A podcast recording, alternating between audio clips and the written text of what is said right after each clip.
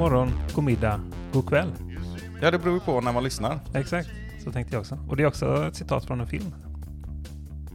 Good morning Vietnam är det inte, för det är ju good morning. Nej, det är väl Truman Show tror jag, som säger, eh, han, Jim Carreys karaktär säger det till folk han träffar. Fast på engelska. Han eh, vill liksom föregå hela dagen. Ja, precis. If I don't see you, good morning, good day, good night eller någonting sånt. Mm.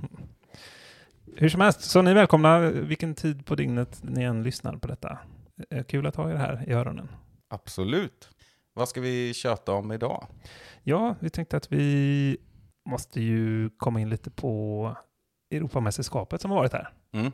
För där är vi ju lite nyfikna på att höra om dina, vad ska man säga, dina, Bravader. ja, dina bra- bravader, din, din känsla kring eventet på plats och ja, men kanske hur jag upplevt det från distans och sådär. Det är jag väldigt nyfiken på också. Mm. Exakt. Hur ska vi börja då?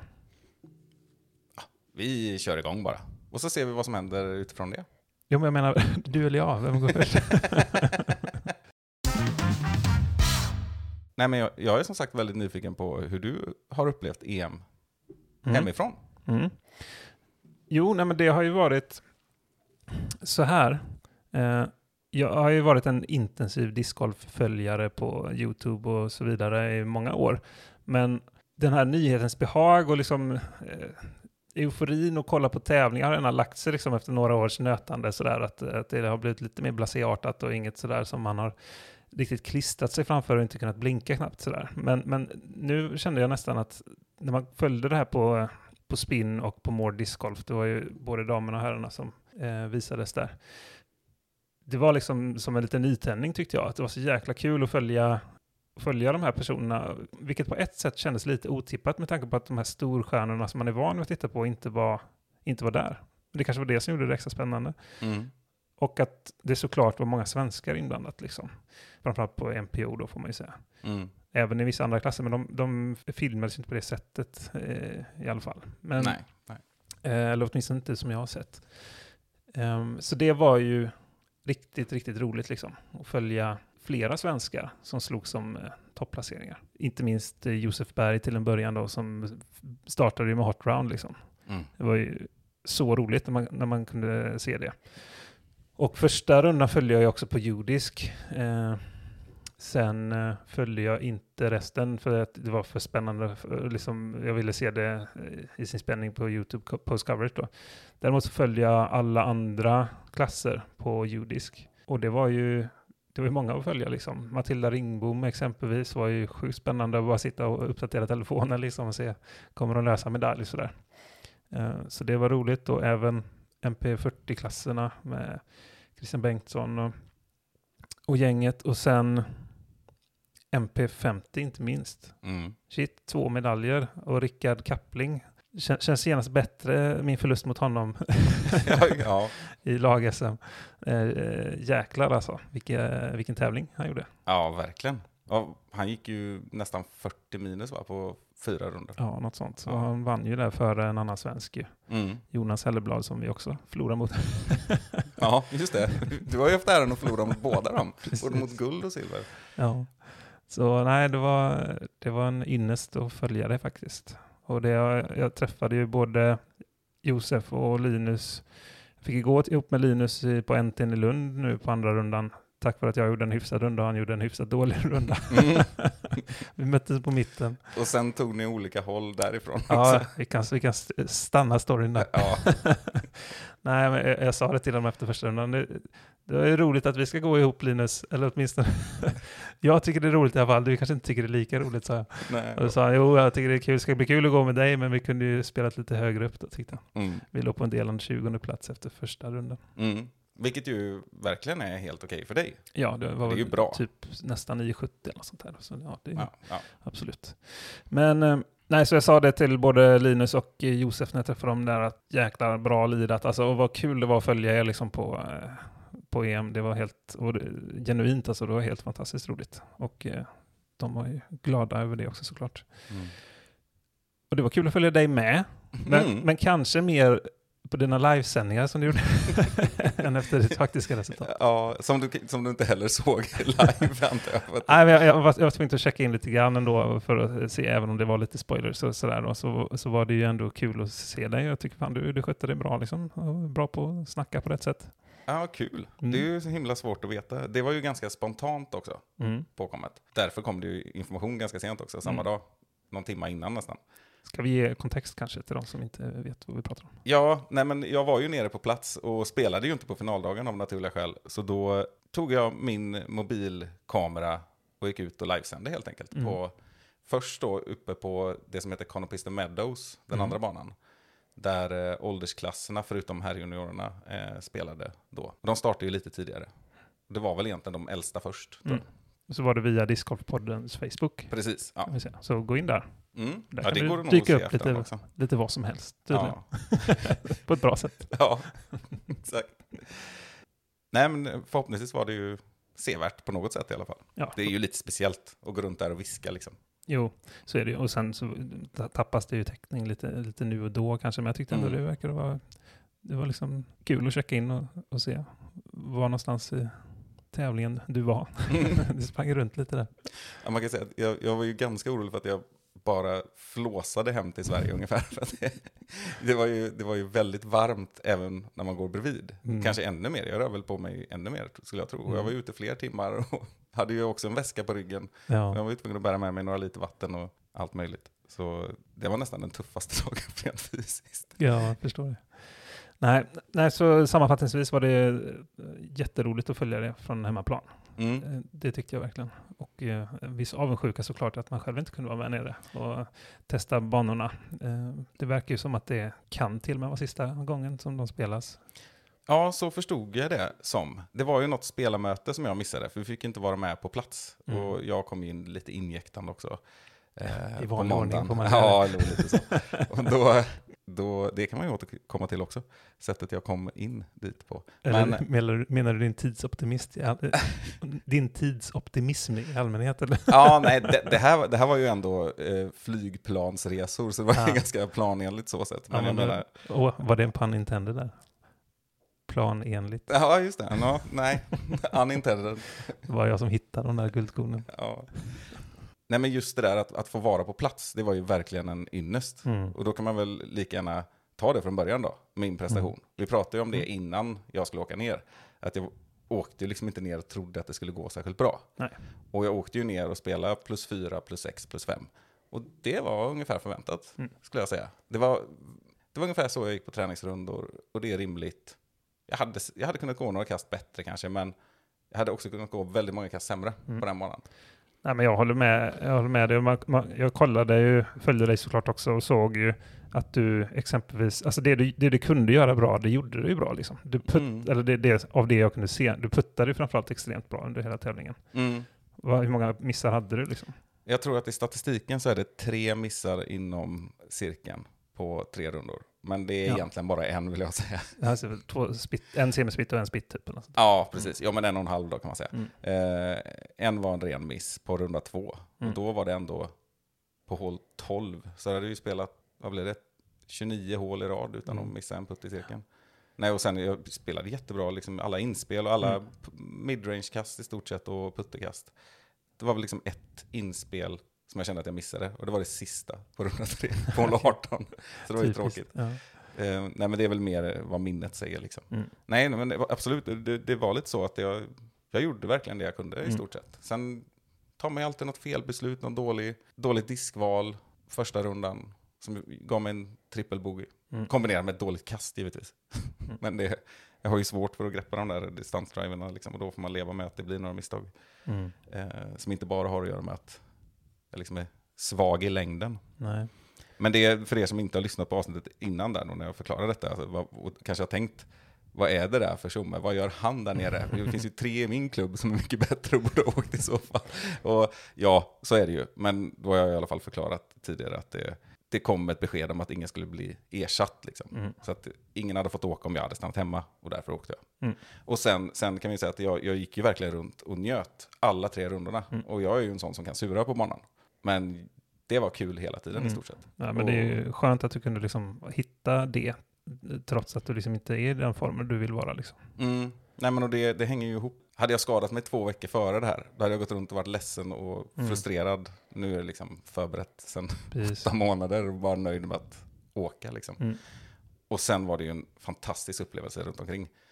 Jag har ju nästan inte tittat, jag har inte tittat klart på de rundorna på YouTube än. Nej. Jag har inte behövt det, för jag var ju där liksom. Mm. Och det var ju ja, ännu större såklart. Det är väl inget att sticka under stol med gissar jag. Men liksom, som du sa, Josefs första runda. Eh, Linus prestation genom hela tävlingen egentligen, men runda Mm. tre, det var ju helt, helt otroligt. 16 under. Ja, ja, och den, den, eh, om man ska gå in djupare på det, liksom, Josefs första runda missade jag ju helt och hållet, och, och, eftersom jag spelade själv. Mm. Och då, men det var ju också sådär att då fick man ju höra det efteråt. Jag hade inte koll på Judisk live heller eller någonting. Utan det var sådär, har du, har du sett Josef? Liksom. Och den spänningen är ju också rolig sådär, så bara ta upp telefonen. Och bara, jädrar. Ja. Nej men och Linus minus 16-runda, där kunde jag ju ändå gå med ungefär halva rundan tror jag och titta Mm. live. Eh, Ja, det är coolt. det är häftigt, jag vill bara säga det alltså. Att, eh, att se Linus spela är något helt eh, magiskt. Mm. För det ser så enkelt ut. Och jag, har använt, jag använde liknelsen där nere också. att under, Medan det pågick så tror jag jag sa till, till Linda, eller någon som var med då, Linda Emanuelsson bredvid. Jag menar att fotbollsspelare som sitter på bänken i dramatiska matcher brukar liksom säga att det är så jobbigt och man vill liksom vara på plan. Och, alltså det är mer nervöst att sitta vid sidan av än att vara på Mm. planen. Eh, men att se Linus spela är tvärtom. Man är liksom så jädra lugn. Alltså, när han har gjort Precis. två kast på ett par femmål så vet man, ah, ja, ja, men det är bara det, jag går till nästa håll. han har liksom 110 meter kvar och ska putta också, men det spelar ingen roll. Nej. Ligger han på 11 meter och för en birdie, ja, det är klart. Mm. Liksom, så känns det. Så som han spelade den rundan i alla fall. Och det är mäktigt att uppleva. Ja, jag håller med. Och det, jag, kom- eh, jag hade ju, nu när vi spelade nere i Lund där, så hade, ju, eh, hade jag min syster med- med mig och eh, hennes pojkvän som var, kikade på rundan, som också börjat spela lite. Mm. Det är väldigt roligt. Hon bor i Malmö, så hon spelar på Bulltofta då kanske. Ja, hon har varit Bulltofta och eh, Sibbarp, en lite mindre bana och lite sådär. Mm. Ehm, och, eh, men de, de sa ju det att märker ingen liksom egentligen större skillnad. Det ser ju inte så spektakulärt ut när Linus kastar för att det ser snarare så enkelt ut, liksom, som Mm. du är inne på. Mm. Och det, det är så speciellt att liksom, han är ju som de hade ka- kanske sagt på commentary i USA, sneaky good Mm. på något sätt. Att liksom han, bara, han smyger med och liksom, man tänker, han sticker ju inte ut heller så här, han är ju inte den här Locastro-personligheten som när han gör någonting bra springer upp för träd och hojtar och kimmar. Utan han, han gör det han ska och så går han vidare till nästa hål liksom. Mm. Och helt plötsligt så vinner han tävlingen liksom sådär. Mm. Och det, det är något väldigt imponerande över hans liksom, hela persona på det sättet. Att han är så, så ung men ändå så mogen liksom, och så eh, calm and collected tror jag de sa till och med på commentary eh, under EM här nu. Ja. Och det är ju verkligen så. Ska man om man ska jämföra han med någon i USA, ja, jag vet inte. det är svårt alltså. Han, han är ändå lite... Nej, men det, det, vi, jag tror att vi har pratat om det förut också, att eh, alltså, Linus har ju egentligen inga svagheter. Kyle Klein förresten.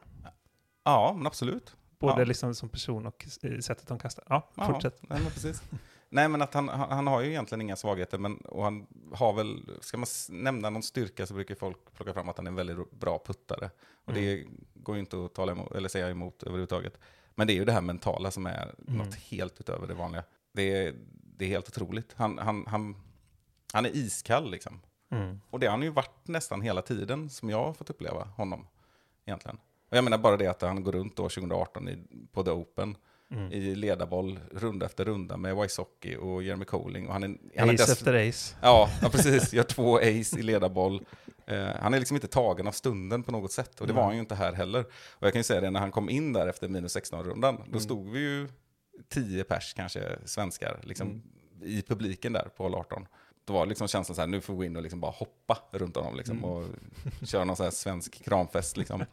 Och när vi kom, när vi kom fram då liksom och, och liksom bara, shit Linus, minus 16, fan vad grym du är, du är helt sjuk alltså. Och han bara, minus 16, var det det? Ja, det blev det kanske. Vilka hål missade jag?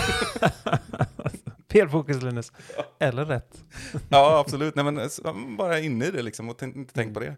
Men det är lite som du säger också, att just på den banan ska man också vara väldigt sneaky. Därför att det ser inte spektakulärt ut. Det är bara det att ligger han rätt hela tiden som han gjorde under den rundan, alltså Mm. då, då är det ju liksom ganska lätt på något sätt. Det svåra är ju att göra det hela tiden. Ja. Liksom. Att det är ju inte som att han, det är inte minimala luckor att träffa eller något sånt där. Liksom. Utan det är, man måste vara bra hela tiden. Och, Ja. Och han, 16 var ju helt otroligt bra på den här banan. Det är ingen som var i närheten av det någon Nej. annan runda. nej, och, han, och han kan ju liksom kasta på samma sätt och lika avslappnat även om det är 140 meter. Liksom. Mm. Till skillnad från en annan liksom, som får ta till varenda trick in the books och, liksom, Ja. och vinklar och, och liksom krysta fram någonting för att komma långt. Sådär. Men, Ja. men han liksom gör samma, det, det liksom ser ut som han myser iväg en putte 50 meter, men det är liksom inte det. Nej. Nej, och vi får återkomma till min upplevelse av banan och sådär också. Men apropå det här med Linus och Josef och, och, och Niklas Antil också för den delen. Mm. Eh, för det är väl i Open-klassen vi kan prata om de här känslan av, alltså i, i, i FPO så var det ju förväntad topptrio. Och det pratade vi om innan. Mm. Vi spikade ju den Ja, i försnacket. surpris. Nej, men det var ju, det var ju liksom inget så. Så att jag tänker i Open med det. Men där var det ju mer att eh, Linus, Josef, Niklas Antila och ett flertal spelare då, tre, eh, bronsmedaljören Jona Heininen heter Mm. han eh, Det är ju inte spelare som vi har sett i USA, som vi vet, liksom som Seppo och Väinö Mäkelä och framförallt Lisotte. Mm. Det här blev ju en värdemätare framförallt kanske mot Lisotte också. Mm. Sen får vi nog förstå att Lisotte eh, var trött, rest, Mm. kom eh, lika sent som mig Mm. och kanske inte liksom hade, han, han kanske hade, det är bara spekulationer, men han hade kanske tankarna lite grann att han ska tillbaka och tillbaka på touren. Och jag pratade ju med, faktiskt personligen Mm. med honom om det också, att han var lite där, det var lite dumt kanske att han åkte hit, men det var samtidigt klart att han ska vara där. Men Mm. ja, det, alltså, det, det finns förklaringar bakom hans prestation kanske. Men med det sagt, Lisotte är ju kanske inte en spelare som vinner varenda Disc Golf Pro Tour-tävling, men han ligger ju alltid bra till. Mm. Och det här blev ju en jättebra värdemätare för nu när vi ska skicka över lite europeer. Det Mm. blir väldigt spännande att se liksom Linus och Niklas till exempel åka över i, till, i USA. Och jag tror att det är många som inte har förstått detta, att de är så bra. Att Nej, de kommer exakt. kunna hävda sig. Liksom. Jag vill inte dra till med några siffror, men alltså skicka över Linus och låta honom skicka, eh, spela liksom tio rundor, eller tio sådana tävlingar. Han kommer komma på några högra placeringar. Det är jag Mm. helt övertygad om. Ja, och framförallt alltså, om man ser liksom Europa som, är, som ett lag Mm. och om, om det kommer över sex, sju europeer, eh, varav de flesta kanske finnar då, men det kommer ju komma feature cards och lead cards med dem. Mm. Absolut. Det är ju liksom ingen, ingen, inga konstigheter. Och det är länge sedan jag sett fram emot en ny säsong så mycket som jag gör nu, för nu får man ändå säga att säsongen börjar lida mot sitt slut. Mm. Och även om det är mycket roligt kvar, som USDGC bland annat och lite sådär. Men eh, se när eh, DGPT drar igång, det är väl Las Vegas Challenge och kanske Winter Time Open och de här som börjar säsongen ofta. Mm. Och eh, jag kan ju tänka mig också att det är då de flesta europeer kommer åka dit på just försäsongen. Både på grund av väder och på grund av att det kommer vara många bra tävlingar i Europa på sommaren. Då. Och Linus var ju över 2019 och då spelade han ju just, jag tror han spelade Wintertime, Ja. han spelade Las Vegas och han spelade Memorial. Det stämmer. Nu har väl Memorial degraderats lite och är ju inte med där. Men eh, i alla fall, det var ju den perioden. Och då vet jag att han, han reste ju dessutom då tillsammans med Albert Tam, som Mm. inte hade breakat än, Ja, och Håkon Kveset tror jag. Kul. Kanske någon mer. Nej, jag vet inte. Det kanske var Knut Wallen Håland. Mm. Jag blir osäker nu, strunt samma. Men jag tror att du har rätt i att det är då man åker över och sen så kanske man ser hur länge man kan bli kvar. Ja, beror på hur mycket in the money man kommer kanske. Vad sa du? Kanske beror på hur mycket in the money man kommer. Ja, ja, men lite så. Nej, jag håller med. Det blir otroligt spännande 2022. Verkligen. Eh, en helt ny krydda på det på något sätt. Vi måste bara återgå lite till FPO där. Mm. Du, eh, du nämnde ju dem, att vi satte ju dem topp tre, men det blev ju ändå på ett ganska spektakulärt sätt som medaljerna fördelades får man ju säga. Ja, Följde du sista rundan där? Eller? nej, det jag missade ju hela Mm. och kunde bara konstatera att herregud, när Ja. jag kollade i Judis live. Och jag har faktiskt inte orkat titta på det, Nej. eh, om jag ska vara ärlig. Jag har inte kommit dit än. Och Ja, det, det är ganska smärtsamt. smärtsamt Ja. jag. Nej, men och det, det som hände var väl egentligen bara kortfattat, det var ju tre stycken favoriter. Mm. Evelina Salonen, Henna Blomros, Kristin Tatar. Mm. Och de skilde ju ut sig också väldigt mycket till en början i alla fall. Ja, och då kan vi säga att Kristin Tatar är väl den som de flesta har mest färsk koll på så att säga, för hon har varit över och spelat otroligt bra i USA. vunnit två. Ja, jag tror hon vann fyra eller någonting. Ja, men två stycken Elite Series. Ja, ja. Ja, Mm. ja, men hur som helst. Hon har spelat eh, fantastiskt. Och Henna Blomros, regerande Europamästare. Mm. Och Lina Salonen, kanske den som folk säger är bäst ändå egentligen. Och den som är rankad högst på judisk tror jag, var inför. Och hon var ju, hon var ju ledningen efter första rundan tror jag. Ja, och Och sen gick, inför sista ledde hon ju med typ sex kast eller sånt där. ja, det var så pass. För det var, det var, då var det runda tre, hon gjorde en minus sju-runda. Som var, det är ju Mm. riktigt, riktigt bra, ja, ska ja, sägas. herregud. Det hade varit bra i MPO liksom i stort sett. Ja, ja, ja, absolut. Då hade de två hål som var lättare i och för sig, men det är ju två Mm. hål inte så mycket. Ja, nej, och det var inte så himla mycket lättare heller om man ska vara ärlig. Nej. Ja, hål 17 blir ju lättare, men Mm. ja. Men hur som helst, hon eh, fick ju något av en meltdown sista rundan, Mm. eh, Elina, eh, eller Evelina. Och det var ju så väldigt otippat. Man tänkte att nu, hon kommer kanske inte promenera hem det, men hon hade ju så pass stor ledning så man tänkte att det här kommer ju vara ganska klart. Ja, alltså det, det snackades faktiskt lite om det redan på fredagen, alltså efter näst sista rundan. Mhm. För då hade hon, nu finns det ju de som kan kolla detta, eftersom det finns på film, men hon, som jag förstod det så treputtade hon på sista hålet. Mm. Alltså att hon låg för birdie på hål 18 och fick en femma då, alltså hon låg för och puttade för två. Och det förstod man ganska fort när man såg resultatet på sista rundan, att det var lite det det handlade om Mm. också kanske. Att eh, det satte sig liksom. Mm. Sen, så att, ja, det som hände var ju att hon gick plus nio sista rundan. Att jämföra med Henna på minus fyra och Kristin på minus tre va? Mm, jag tror det. Ja, precis. Så de kom ju ikapp där. Henna vann ju till slut. Mm. Och det var ju häftigt att se kamratskapen däremellan också under rundan. Man såg henne gick fram och kramade Evelina liksom och, Mm. och tyckte liksom genuint synd om henne sådär. Mm. Nej, men det, det var jättefint att se överhuvudtaget. De var ju liksom, jag pratade inte med dem eller sådär, men de, vi åt ju liksom frukost i samma matsal. Och även när hon höll eh, segertalet, jag vet inte, det kanske också är med i coverage, det har jag inte koll på. Men eh, då pekar ju Henna väldigt tydligt ut Evelina liksom som Mm. sin bästa vän och liksom vi stöttar varandra. Det var, det var väldigt vackert. Mm, och mm. också väldigt fint eh, att se hur Evelina då som kom trea och hade den här ledningen var väldigt stolt och glad över sitt brons och Mm. skötte det jättesnyggt Mm. och liksom ställde sig själv och bad folk liksom ta bilder, alltså i egna laget så här, Mm, mm. och postade liksom vid sidan av sen liksom, med Mm. sin bronsmedalj. Också jättefint att se. Alltså tog det otroligt bra. Mm. Även om det måste varit helt fruktansvärt för henne, såklart. Ja, sista rundan där kan ju inte varit... Ja, det måste varit tungt, ja precis. Nej, och det, där kan vi också återkomma till detta att skicka över europeer med tanke på hur Kristin Tatar spelade i USA. Mm. Och egentligen stundtals sopade mattan med både Page Pierce och Katrina Allen och de andra.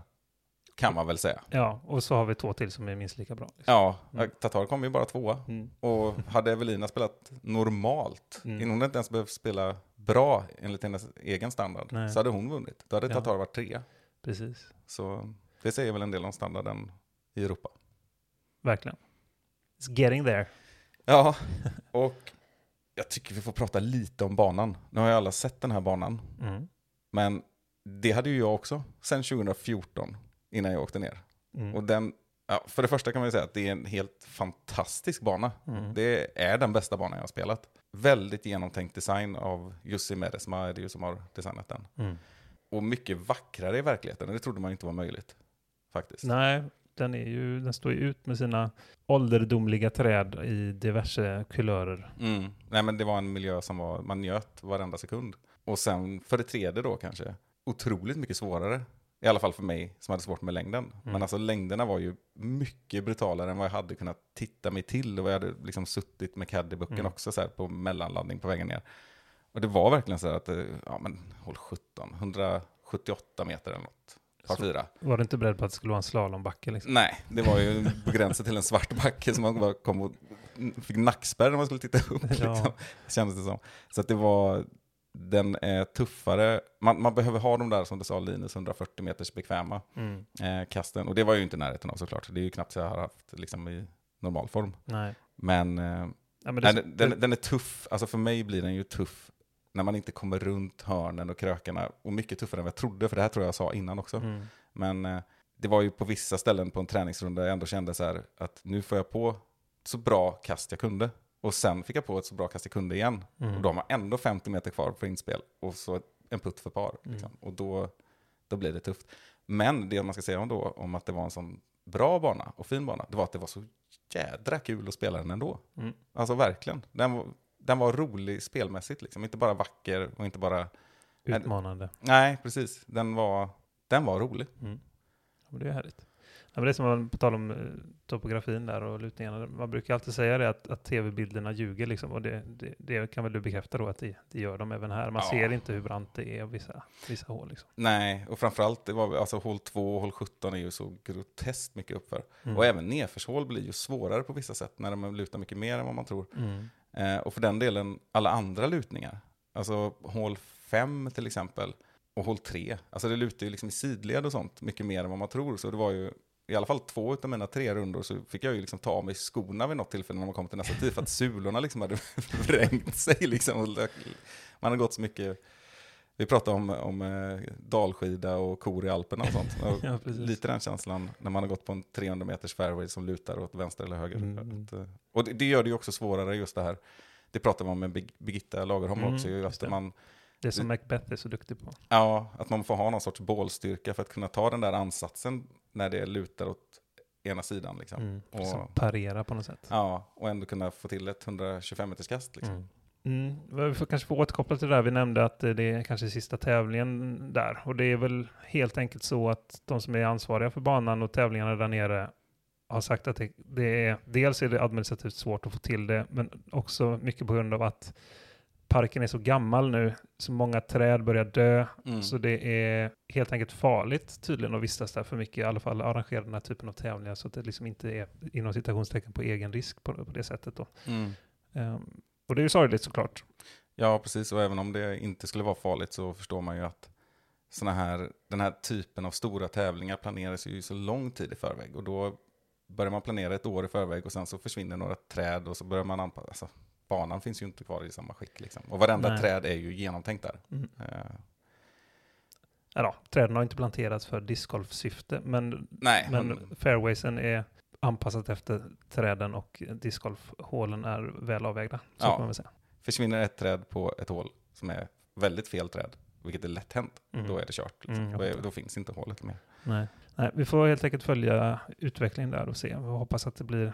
Jag tror jag hörde en siffra på han som är ansvarig sa det, finns, det är 15 procents chans att det blir tävlingar här igen. Ja, Vi får väl hoppas på att den är större än så, men det är i alla fall som eh, Jim Carrey hade sagt, hade sagt So you're telling me there is a chance.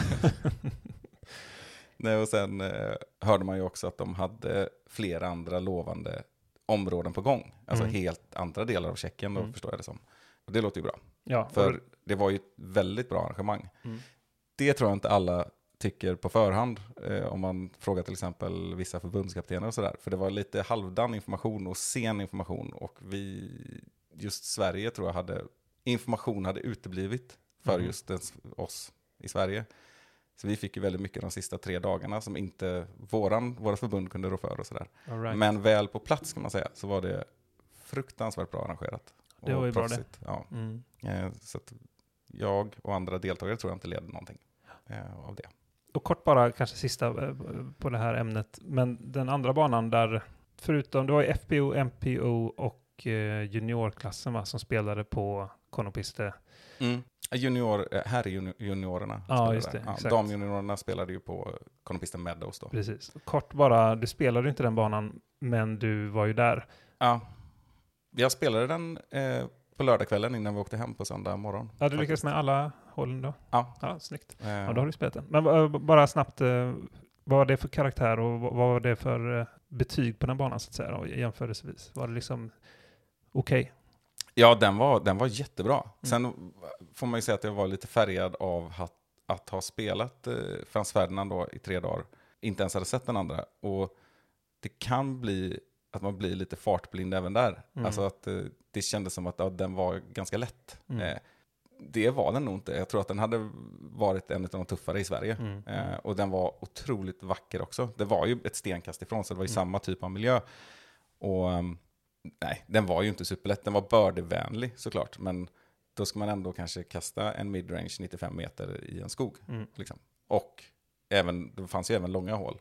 Och det var ju ett hål 15 var det väl, som var en par femma. Den gick ju att göra igel på. Mm. Inte kanske för mig, men för Anton Lind var ju med och spelade med, Mm. med mig då. Han la ju fram en disk något så otroligt långt så att han kunde ju stå stilla, stå stilla och kasta en putter på andra kastet och Ja, få en igel liksom. Mm. Och då kan ju ganska många även i till exempel eh, MP40 eh, också göra det.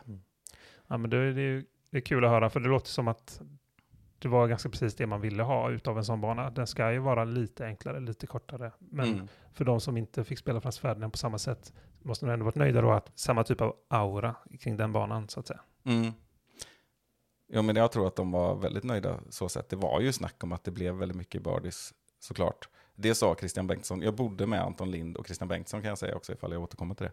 Men eh, han sa det redan efter träningsrundan att här vill han nog gå liksom tvåsiffrigt varje runda. Mm. Eh, det vill han ju göra på många banor såklart. Alltså, det gjorde han väl på NT i Rydskogen i stort sett också. Ja, så bra är han liksom. Ja, eh, men att det krävdes för att hänga på. Och samtidigt får man nog säga att Carl-Johan Nybo som gick minus 16 runda där, det är en otrolig prestation. Mm. Så lätt är det ju inte att göra det. Absolut inte. Och det var bra variationsrik bana. Kanske lite mer träd och luckor i spelen på Frans Ferdinand då. Mm. Mer som han är van vid när det är lite skogshål och så. Men nej, den var ju jättefin också. Mm. Kul! Nej, men om man ska jämföra banan också så kan jag komma med en liten anekdot. Mm. Eh, Efter runda ett så hade Christian Bengtsson då gått minus åtta Mm. på Konopisten Meadows då, den lättare banan. Och eh, vi satt och käkade och Christian var ju inte nöjd, han hade ju tappat sex kast och sådär på, på ledaren Nybo. Eh, och då kom Knut Walen Håland, väldigt duktig spelare i Norge, fram och pratade med oss. Han hade gått minus tre på Frans Ferdinand. Och då utmanade han Christian Bengtsson på ett vad, Aha. där han sa, vi ser vem som går bäst imorgon. Och den, den som går sämst får eh, bjuda på lunch. Och Christian liksom kliar sig i huvudet. Vad menar du liksom rent resultat? Liksom så här, minus? Ja, jag tar det. Liksom. Klart jag tar det. Liksom. Jag ska ju gå minus 12 imorgon. Liksom. Han har ju Ja. suttit och pratat om att jag ska gå minus 15 imorgon. Liksom. Ja, Och det är ju inte så sannolikt att Knut skulle ha gjort det. Även om han är väldigt duktig då. I och med att han spelar på en svårare bana. Ja, exakt. Nej, men det var, det var ett bra bett, bra odds för Christian Mm. om man säger så. Och så nästa dag då så gick de ju båda minus 10. Vilket ju var, Christian var mindre nöjd och Knut var ju mer nöjd. Ja. Eh, Två så- bra runder dock ju. Ja, och sen, sen väl, då, för, då tog de vidare det till dagen, eh, tredje dagen och då vann ju Christian. Han hade mycket minus 12 och Knut gick nog fortfarande väldigt bra tror jag den dagen. Men det var, det var en ganska rolig situation. Man såg Christian så här, menar du verkligen? det, det här tar jag. Eh, men det säger också en del om banorna, eh, kan man väl säga. Nej, men man, man kan väl sammanfatta min upplevelse av det här med att det var en otroligt bra stämning. Alltså det var ju häftigt liksom att vara i den här miljön Mm att vara bland alla de här spelarna. Och vi bodde på hotell som ett hotell då som ligger precis vid banan där många, nästan alla bodde. Eh, så man, som jag sa, liksom man, man satt ju där och åt frukost med de andra på morgonen, och, alltså stjärnorna. Man stod med dem och puttade på korgarna utanför på kvällarna. Eh, det var också, det fanns en permanent femhålsbana och en niohålsbana precis utanför dörren. Alltså så, att, så pass att liksom Christian spelade femhålsbanan i flipflops och avvek och var uppe på rummet på en minut. Liksom. Ja. Men ehm, Idylliskt. ja, väldigt idylliskt och det var ju fantastiskt väder. Det var väldigt, väldigt varmt, Mm. men fantastiskt väder. 30 grader, inte en vindpust på hela veckan och inte ett moln heller för den delen. Så en, eh, ett minne för livet skulle jag vilja säga. Och vi kan väl prata lite om sådana här, våra bästa discgolfminnen. Ja, på tal om minnen för livet ja. Ja, och det här får ju sägas vara, vara ett av mina Mm. största. Så jag behöver inte prata så mycket mer. Men jag har ju konstaterat också att jag har, alltså jag har väl spelat, om man räknar SM och en nationella tourtävlingar och så här, så har jag ju spelat väldigt många sådana liksom sen 2013, Mm. gjorde jag min första nationella tour. Men eh, det finns ju de här snäppen över givetvis, av dignitet på tävlingar. Och där har jag ju konstaterat att det är väl tre stycken sådana och att de verkar komma i treårsperioder. Cykler eller vad man säger. Ja, cykler ja, precis. 2015 spelade jag European Open. Det är också en sån där, eh, verkligen ett minne för livet. Ja. 2018, The Open på Ale, får man ändå säga sticka ut sådär med tanke på spelare i fältet och Mm. Europatour-final och så vidare. Och så nu då 2021, så det är mm, tre år emellan de där. Sen kan jag ju säga att det, nästa år får det väl också bli stora tävlingar. Jag är i alla fall förregistrerad till European Open nästa år, så att jag bryter väl den trenden då. ja, förhoppningsvis så kommer de här minnena för livet lite oftare här efter. Då. Ja, och sådana här discgolfminnen kan ju vara ett återkommande ämne såklart. Och det behöver ju inte ha att göra med att det har, är stora tävlingar eller något sånt där. Men vad har du för något sånt discgolfminne att dela med dig av? Ja, jag har eh, ett par stycken som vi skulle kunna gå igenom. Kanske varken ta den långa eller den korta versionen så att säga, utan vi tar någonting mittemellan som vi gjorde med Philo när han skulle berätta om sin albatross. Då. Ja, just det. Mm. Nej, för jag började ju spela discgolf brukar jag ju säga hösten 2017. Det var liksom då jag började satsa ordentligt, gick med PDGA och liksom började spela på riktigt sådär. Ägde mer än tre diskar. Ja, exakt. Och fick en bag och så vidare. På våren året efter där, 2018, så åkte jag tillsammans med min syster och far till USA på en resa. Eh, Jag och min syster hade nyligen fyllt 30 och sådär, så vi, vi fick resan av, av pappa i present sådär. Så det var en kul grej. Men det, det är inte tvillingar va? Nej, Nej, Eh, det lät nästan så. Jag, tänkte, ja. jag har missat någonting nu. Nej. Hon, är stora syster. ja, hon är 87 och jag är 88. Ah, Eh, mm. Så vi, det var liksom samma veva åtminstone som vi fyllde 30 så att säga. Och du är född sent i november, så det är inte jättekonstigt. Nej, och hon är tidigt i januari. Ja, så, exakt. ja, Ja. det är nästan två år. Mm. Men eh, så var det i alla fall. Och eh, det här var ingen discgolfresa på något sätt, utan, utan eh, till min stora förtret. Nej då. Men eh, Men det blev det. ja, det blev, jag, jag, jag, jag frågade dem så här, hade ni varit okej med åtminstone att åka förbi en bana liksom och spela och sådär? Jag hade ju knappt hunnit följa en säsong av Pro Touren liksom när det här var, jag hade inte ens gjort det liksom, utan jag hade ingen riktigt koll på banorna, så jag satte mig bara på Udisk och sökte lite. Så, men den här har fått bra betyg, eh, så jag, jag föreslog den, för vi, vi skulle nämligen vi hade bestämt att vi skulle flyga till New York och så skulle vi vara i New York eh, ja, och göra vad man nu gör där. Liksom. Eh, och så sen eh, skulle vi hyra en bil och köra bil upp till Boston och skulle flyga hem därifrån. Och då kollade jag, men vad har vi för banor här emellan? Som en jävla turgubbe ja, alltså. jag vet. Så, ja, men, Maple Hill här, den verkar bra. Låter vackert. Ja, precis. Ja, Jag hade väl, om i ärlighetens namn hade jag väl lite koll på den sådär, men, men jag hade inte riktigt förstått att det var mångas favoritbana i USA och en av de absolut bästa i världen, som det ju till och med blev framröstat förra året va? Mm, senaste gången de hade en sån. Ja, som blev det Maple Hill i ehm, Massachusetts då, strax väster om Boston. Bra uttal på delstaten också. Ja, tackar, tackar. Det är inte alla som klarar tror jag. Jag har ju varit där. ja, nej men, eh, så jag hade förmånen att vara där. Det var på våren, vi var där i, runt påsk var vi där. Det är som vackrast på hösten sägs det ju, men Mm. eh, det var väldigt vackert då också kan, jag- kan jag säga. Och det var, tyvärr var det väldigt blåsigt och jag var ju som sagt ganska ny i sporten och sådär, så jag, jag körde inte gold-layouten på alla, jag blandade lite vill jag minnas, men jag, jag körde hela vita layouten och så körde jag några gold-hål typ sådär. Mm. Ehm, Men det var ju, det var ju riktigt mäktigt att vara där och, och lira. Ehm, Så det är ett, ett minne för livet faktiskt då. eh, eh, Och har varit där och deras pro-shop de hade i, det var inte Maple Hills pro-shop, för den inte var öppen, men det finns någonting som heter Pyramids som ligger precis jämte i stort sett. Mm. Eh, Så där åkte vi först och så kollade jag, för jag hade ju bara med mig typ tre, fyra diskar i, i reseväskan sådär, så, så köpte jag ett gäng diskar där. Eh, Så spelade jag med dem då. Varav några du fortfarande har kvar i bagen vill jag minnas. En bass kanske? Ja, den åker in och ut lite, men absolut. Eh, Bass köpte jag och så köpte jag en sån här eh, Special Edition Explorer, sån eh, Burst, för den var helt slut i Sverige. Jag kommer ihåg att åh den finns här, då köpte jag, Då köpte jag en sån. Och, och lite annat. Jag köpte lite stickers och sånt, men de försvann på något sätt under resan. Det var lite tråkigt. Mhm. Och så här Hacklab, eh, tygmärken och sådana saker också. Mm. Men det är sånt som händer. Hade du kunnat sälja för 2000? Ja, typ alltså. jag köpte någon keps också som jag använt en del. Nej, men det var, det var riktigt eh, grymt. Och det var ju typ första gången som jag visade mina, eh, eller min syster och min pappa sporten också. Sådär. Och, Bra första ställe att göra det på. ja, jag kommer kommer ihåg jag, jag fick wowa min pappa lite. Det var, lite, det var roligt på, på ett, eh, ett hål. Vi hade precis kört ett forehandhål och sen så kom det ett backhandhål där korgen var lite så gömd bakom, bakom några träd. Liksom. Så sa jag, i det här, på det här hålet måste man kasta rakt fram kanske 90 meter och sen ska, måste man svänga höger precis i slutet så här. Och han typ skrattade till, ja det, det verkar svårt, hör du. och så, sen satte jag den perfekt liksom, linjen och la mig under korg. Han bara vände sig om och gapade, typ, du är skitbra på det här. så det var roligt att få imponera lite på farsgubben. Ja.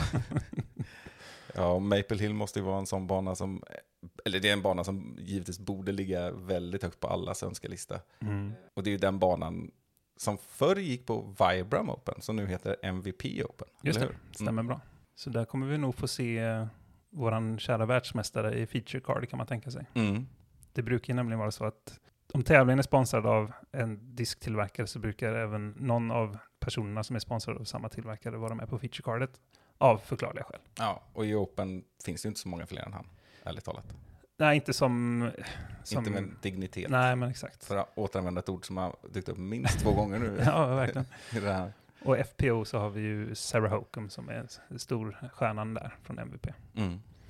Nej, så det var en. Och sen har vi ett till sånt här minne då som, som du nämnde också. Och det är The Open i Ale, Mm. också 2018.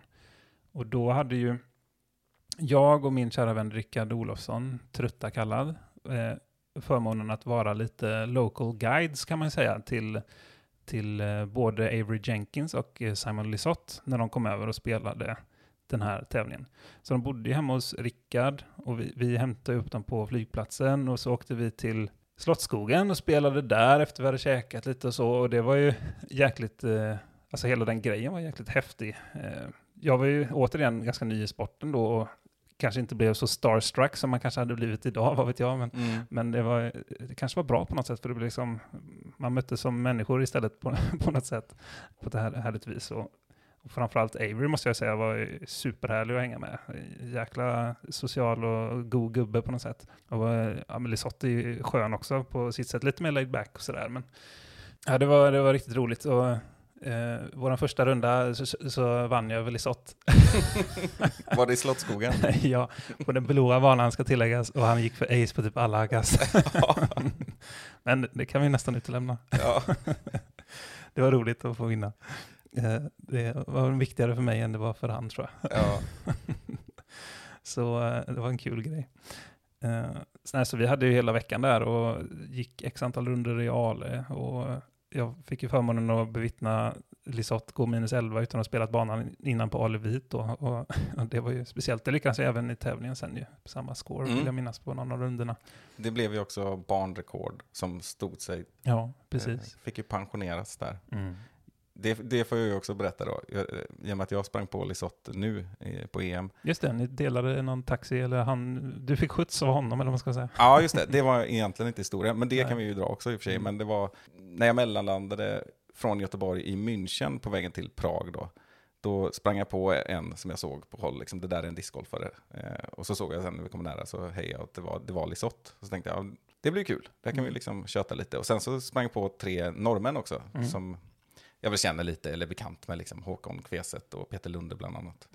Så vi pratade vid gaten och sådär. Vi såg inte till Lisotte, han låg väl och sov någonstans, för han var ju jättetrött. Han hade ju rest direkt från Boston liksom. Ja. Men eh, vi snackade lite där, det gick shuttles från, alltså arrangören kom och hämtade den vid flygplatsen och det var ändå en timmes eh, resa om man Mm. hade bokat det. Det var lite där, där sån information som hade gått, som vi hade fått, inte fått ta del av i Sverige eh, riktigt i tid. Men eh, det skulle i alla fall gå en, men vi snackade liksom om, då om, jag och norrmän, att vi är fyra stycken, men vi kan ta en taxi, vi väntar inte en timme extra liksom, på att få åka med den där. Och jag hade ju också lite bråttom en tea time när man skulle träna, så jag var lite sådär, jag vill inte sitta på flygplatsen en timme, utan jag vill komma dit så att jag hinner liksom spela in mig på banan. Men då när vi landade så gick vi ju alla fem då, det var vi fem discgolfare, jag, tre norrmän och Lisotte. Så gick vi liksom och gjorde det, hämtade väskorna tillsammans och de tog ut pengar och allt vad det var. Och så visade det sig då, det, var ju bara en person som hade någon som stod och väntade på honom. Liksom. När man kom ut sådär, när det står någon, en chaufför med en skylt, och då var det ju en som hade till och med Lisottes logga sådär skrivit Ja, ut. snyggt. Jättesnyggt. Ja. Ja, så han hade ju, han hade ju privatchaufför som Mm. hade skickats dit. Och så visade det sig att norrmännen skulle ju inte riktigt bo på samma ställe och då frågade jag eh, Lisotte liksom, "Var- vart ska du bo? Och det visade sig att vi skulle ju till samma ställe, så Mm. han får jag haka på. Så fick jag ju sitta med honom i en Mm. bil i en timme. Men det jag skulle komma till, vad var det? Jag vet inte. Jo, det var ju det, det, var ju det att han hade banrekordet på Ale Vit. Mm. Så han frågade ju om Ale och liksom, ja vad har hänt där och kan, det, ja de vanliga frågorna som alla har ställt i discgolf-Sverige, ni förstår Ja. vad jag menar. Eh, och förmodligen ställde i, i discgolf-världen också. Men då fick jag i alla fall säga att ditt banrekord stod sig på vita banan, minus 11. Och så kom jag på att, och jag hade det på gula. Ja, just Så det. Det de, de pensionerade våra banrekord där. Och nu sitter vi i samma bil. Ja. Det tyckte han säkert var jättestort. ja, Nej, han, men han var starstruck. Ja, förmodligen. Jag tror fortfarande inte han vet vad jag heter. Så det, men det var, det var faktiskt jättetrevligt. Han, Mm. han var på gott humör och, och eh, orkade samtala i en timme och, Ja. och skoja. Så det, det var en jättetrevlig kille. Det låter bra. Mm. Vi kan väl eh, lämna The Open eh, där kanske. Mm. Men till en annan Open, 2019, Chili Open. Känner du till den tävlingen? Ja, Tyskland. Fast nästan Schweiz och nästan Frankrike. Exakt så. Sa jag Schweiz Ja, rätt du, du nailade inte. Ja, det var inte helt. Det ska nog vara med Schweiz. Schweiz. Ja, 8 Ja. av 10. Ja, okej. Då kommer jag aldrig komma närmare. Ni lyssnare får avgöra. Ja. Hur som helst, eh, det är en tävling som hålls årligen med undantag från corona då. Då hölls det inte nu senast alltså. Men på vårkvisten i en liten ort som heter Lörrach, eller det kanske är en stad i och för sig, men den är inte så känd i alla fall, i Tyskland. Mycket riktigt precis på gränsen till Basel som är den stora staden där då, Mm. som ligger i Schweiz. Mm. Men däremot så när man flyger dit så landar man på flygplatsen i Frankrike. så det, åk dit så Rörigt. får du liksom tre länder i ett. Det är Mm. kanon. Att liksom resa med huvudsyfte att spela discgolf, det var ju min första gång jag gjort det och enda hittills faktiskt utomlands då. Var det 2018 också? 2019, 2019. Ja. mars tror jag det var 2019. Ja, det var riktigt roligt. Jag, speciell bana. Jag tror inte du hade tyckt den var så... Inte den typen av bana som du gillar. Lite så här åt USDGC-hållet kanske. Med liksom eh, spexiga mandon och, och lite sådana saker. Jag får upp en bild i huvudet här nu att jag har sett några hål. Är det den som har någon sån här trädäck med en korg mitt på? Nej, det Så att alltså korgen är nedsänkt så att korgkanten Ja. är liksom på det här Ja, nej. trädäcket. menar. Alltså, Nej, det är bara det trädäck inte. och kedjor liksom. Nej, inte riktigt. Men däremot så, så har den ett hål som är under en eh, landsvägsbro. Med, eh, där brokolonnerna utgör mandon. Mm. Och det, jag tror det är fyra stycken dubbelmandon i rad då till exempel. Men Och det är ju inte liksom- okej Simon. Men det är, det är, det är ändå spektakulärt och det är ändå Ja, ja. häftigt och roligt. Mm. Tyckte, tycker jag. Liksom. Mm. Eh, Ja, men man slipper ju ha det som hemmabana. ja. Jag kanske tyckte det var extra roligt för att min gameplan liksom funkade. När jag såg folk så slunga distance drivers kors och tvärs runt de här kolonnerna som missade fyra mandon i rad, så körde jag på en forehand med min Buzz OS bara så, här, så lågt jag kunde, bara släpa mig fram. På asfalt eller? Ja, det var grus under den här bron. Ja, Men, det är eh, svårt att se att man står och gnuggar händerna inför ett sånt kast. Liksom. Nu Ja, det- ska de få se. Det var, det var mycket ångest, men, eh, men jag känner igen många kast på mina kamrater som jag gick med där i alla fall. Och det här var ju när jag var knappt 900 ratad och jag lyckades komma på en 29 plats av 80 personer där liksom och snittade väl typ 950 åtminstone, vilket ju var väldigt bra för mig. Och det var ju sådana som Maxim Tang och Sylvain Gouche och Mm. Tony Ferro, Kevin Consor, Emil Barb, Andreas Gertz har varit med länge tror jag spelat Mm, också. Och, mm. ja, ett helt gäng av de här mid-europeiska utövarna kan man säga. Mm. Det är liksom en stor tävling där nere. Jag tror det är en beach here åtminstone. Ja, men det är, väl en, en, det är väl en ganska känd tävling och en sån där, också en tävling som, som är känd för att ha det där sociala runt omkring och Ja. att många vill åka dit. Jag vet flera svenskar som brukar, eller brukar, men som har varit där flera gånger och gärna återkommer. Och det ligger ju så bra också, för att i Mm. mars kan det vara lite sådär i Sverige. Mm, Om man bor i närheten av Dalälven kan det vara kört. Precis. Nej, men det man kan åka ner och möta våren liksom. Ja. Eh, och Danne Johansson exempelvis från Magnus Stockholm. Dunder också. Eh, de är sådana som åker dit och lirar ofta. Eh, jag tror Danne Johansson har vunnit MP40-klassen där typ två gånger eller något sånt. Ja, just det. Eh, Ja. Och Lisotte har vunnit, han har också spelat där, han har vunnit eh, MPO då, någon gång vet jag. Mm. Och Mattias Magnusson är säkert också med i gänget. skulle jag tro. Nej, så det är en kul tävling, jag kan rekommendera att åka dit. Och som du säger, det är liksom en inramning också som är, som är trevlig. Liksom de, den heter Chili Open för att de serverar ch- chili då, som de liksom lagar på plats. Och sådär. Och, ja, men det är mysigt.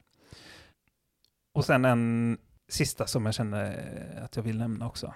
Sista trevligt minne som ligger lite närmre i närtid så att säga. Och det är augusti förra året var en väldigt bra månad för mig discgolfmässigt på många sätt. Dels så lyckades jag vinna mina två första tävlingar i Open tror jag det var. Mm. Du slog mig på tallbacken. Ja, efter att ha vunnit Revolution Race Tour i Ymer. Just det.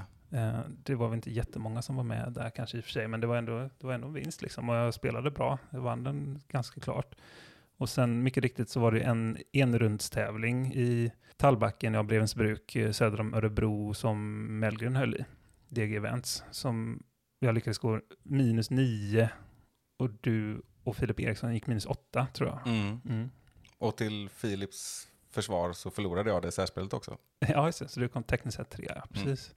Och det var jäkligt roligt. Jag kände mig i god form och det här var ju när vi var på väg upp till SM. Ja, det måste ju varit det bästa med den här fantastiska månaden. Att vi, Ja. hade, vi spenderade väl nio dagar, tror jag, i bil upp och på plats och ner. Ja, precis. Ja, det tog inte nio dagar att åka bil upp, men det, jag förstår du menar. Hela totalen, ja precis, exakt. Och det var lite det jag skulle komma till faktiskt, för det var ju, hela den resan var ju jättetrevlig. Och det var ju lite där som eh, fröet såddes till våran podcast också. Ja, det det är väl så. Om man skulle ha någon sån här Discordpodden Begins, eh, ja, precis. då, då är det ju där. Ja, och det, det har jag ju inte ångrat. Nej. Utan det har ju varit jättekul liksom. Så, så augusti 2020, kanonmånad. Mm. Och stort tack igen till Nicke Nyman, Ja, ja, från vår, vår poddkollega som eh, fick, gjorde så att vi fick bo i bönhuset i Bodbyn. Det var ju också en speciell upplevelse. Fantastiskt. Ja, Vi hade en hel bönesal för oss själva. ja det var ett krucifix, och- i, i flera meter stora krucifix i varenda rum. Ja, ja, visst. Ja, nej, så det var, det var kanoners. Och en trevlig tävling också på SM där. Du presterade ju svinbra Mm. och jag eh, presterade också ganska bra. Jag var något kast ifrån att liksom få spela finalspelet. Det var topp 36. eh, Jag snittade över min rating och det var trevliga banor och trevligt väder och trevligt sällskap. Och det var så härligt så. Och det var ditt första SM. Ja, det var det. Så, nej, kul. Kul. Så där fick ni höra lite av eh, mina most memorable moments. Mm. Ska vi ta en vignett på det? Det gör vi. Kanske skulle tagit den andra. Jaha, ta, den här. ta en till.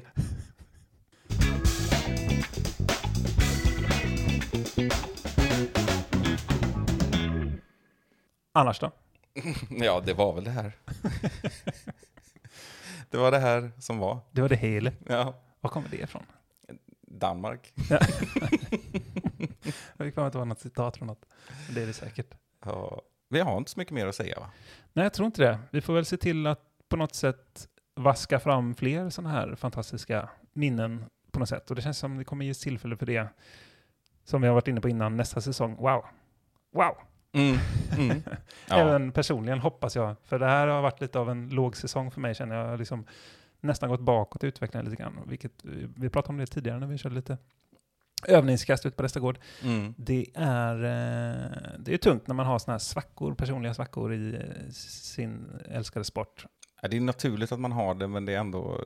Man tappar ju glädjen såklart. Ja, lite i alla fall. Sen så är det liksom, eh, sporten blir inte av med mig för det så att säga. Men, men eh, man önskar att man hittat tillbaks eh, till någon typ av momentum och eh, kan eh, ta nästa steg liksom uppåt. För det är det jag har väntat på sådär. Eh, tog ju ganska liksom snabba steg i början, som det, som det sig bör kanske. Och så sen har det stagnerat lite känner jag. Mm. Så vi får hoppas att jag kan hitta lite nycklar till det. Och du är ju inne i någon liknande fas, även om din svacka är lite mer konkret och går att peka Mm. på lite mer varför och sådär. Så eh, är det ju såklart minst lika viktigt för dig att hitta eh, tillbaks uppåt. Men det är ju bra, vi har varandra. Ja, Och vi får köra ihop i vinter här. Och jag börjar ju faktiskt bli lite sugen på att köra mer tävlingar. mm. Det är ju lite roligt. ja. EM var min första tävling i år. just det, i alla fall individuella Ja, jag, jag, jag spelar par-SM och så direkt på EM. och lag-SM-kval. Ja, jo. Mm. Men första individuella tävling. Ja. och, och, och, och sen kanske det bara blir mästerskap för mig i år. Ja. Det är ju det enda jag har spelat. Ja, det är lite coolt i och för sig. Ja, ännu coolare om man glider in och presterar också, men det Ja, var inte på kartan. Men ehm, nej, men det ser vi fram emot nästa år. Och det kan bli några sådana hösttävlingar. Vi får väl se vad som erbjuds. Höst-vintertävlingar. Ja, jag kommer nog sparsam på de här, eh, typ nu är det nollgradigt, 10 sekundmeter och snöblandat regn i luften. Mm. Jag presterar så dåligt och jag mår inte bra av att spela sådana tävlingar, har jag- insett. Så, eh, så Det, är inte, det är inte så många som gör det. nej, vi får väl hoppas på brittsommar brukar man säga, va? när hösten blir fin. Ja. Och, så då, då absolut. Då, Ska jag jinxa? ja, för fan. September brukar ju vara fantastiskt. Ja, var det kört. och, sen, och sen så om det blir bra i oktober, då är det en bonus. ja. ja, men så är det. Absolut. Men nu får vi väl Vi nöjer oss här för denna gången. Ja, det gör vi. Ni får, eh, ni får gärna lyssna igen. Men vi kan väl säga det. Vi kan väl säga så här. Du som lyssnar. Precis du som lyssnar. Vi är väldigt tacksamma att du är här med oss och lyssnar. Det gör oss väldigt glada. Och eh, ni som hör av er och skickar meddelanden, det kommer sporadiskt in både till mig och Rickard och till Discopodden och både konstruktiv och, och framförallt positiv kritik får man faktiskt säga. Mm. Det är vi ju jätteglada för. Fortsätt med det. Så du är viktig. Mm. Nej, men vi blir alltid jätteglada och vi, vi brukar ju skicka ganska mycket skärmdumpar till varandra och sånt också kan vi säga. Det är ett tecken på att vi noterar det. Ja, ja, absolut. Och om vi missat att svara någon gång så må det vara hänt. Vi brukar svara på, på allt, men den mänskliga faktorn och så vidare. Men eh, vi, vi gör vad vi kan för att upprätthålla våra sociala medier på alla håll och kanter. Eh, Men sök upp oss där. Eh, Discgolfpodden heter vi ju överallt. Och även personligen så heter jag Simon understreck discgolf på Instagram till exempel. Mm. Och Jag du- heter Walkabout85 Ja, för att göra det enkelt för sig. Ja, exakt. Nej, men så vi ser fram emot att höra från er också, inte bara ni hör från oss så att säga. Och vi är väldigt mottagliga för tips och allt möjligt. Så är det. Det skulle vara jättekul. Ja, verkligen, verkligen. Så vi kan väl avsluta med de orden och, och säga att eh, vi hörs på ett annat sätt där ute i etern. Det gör vi. Ha det bra. Ha det gött! Hej då. See me driving after tea. Weather's looking good. Got a disc bag full of tricks. Yeah, I got them spinning. I'm listening to music you can't hear. I got my magic plastic in the air.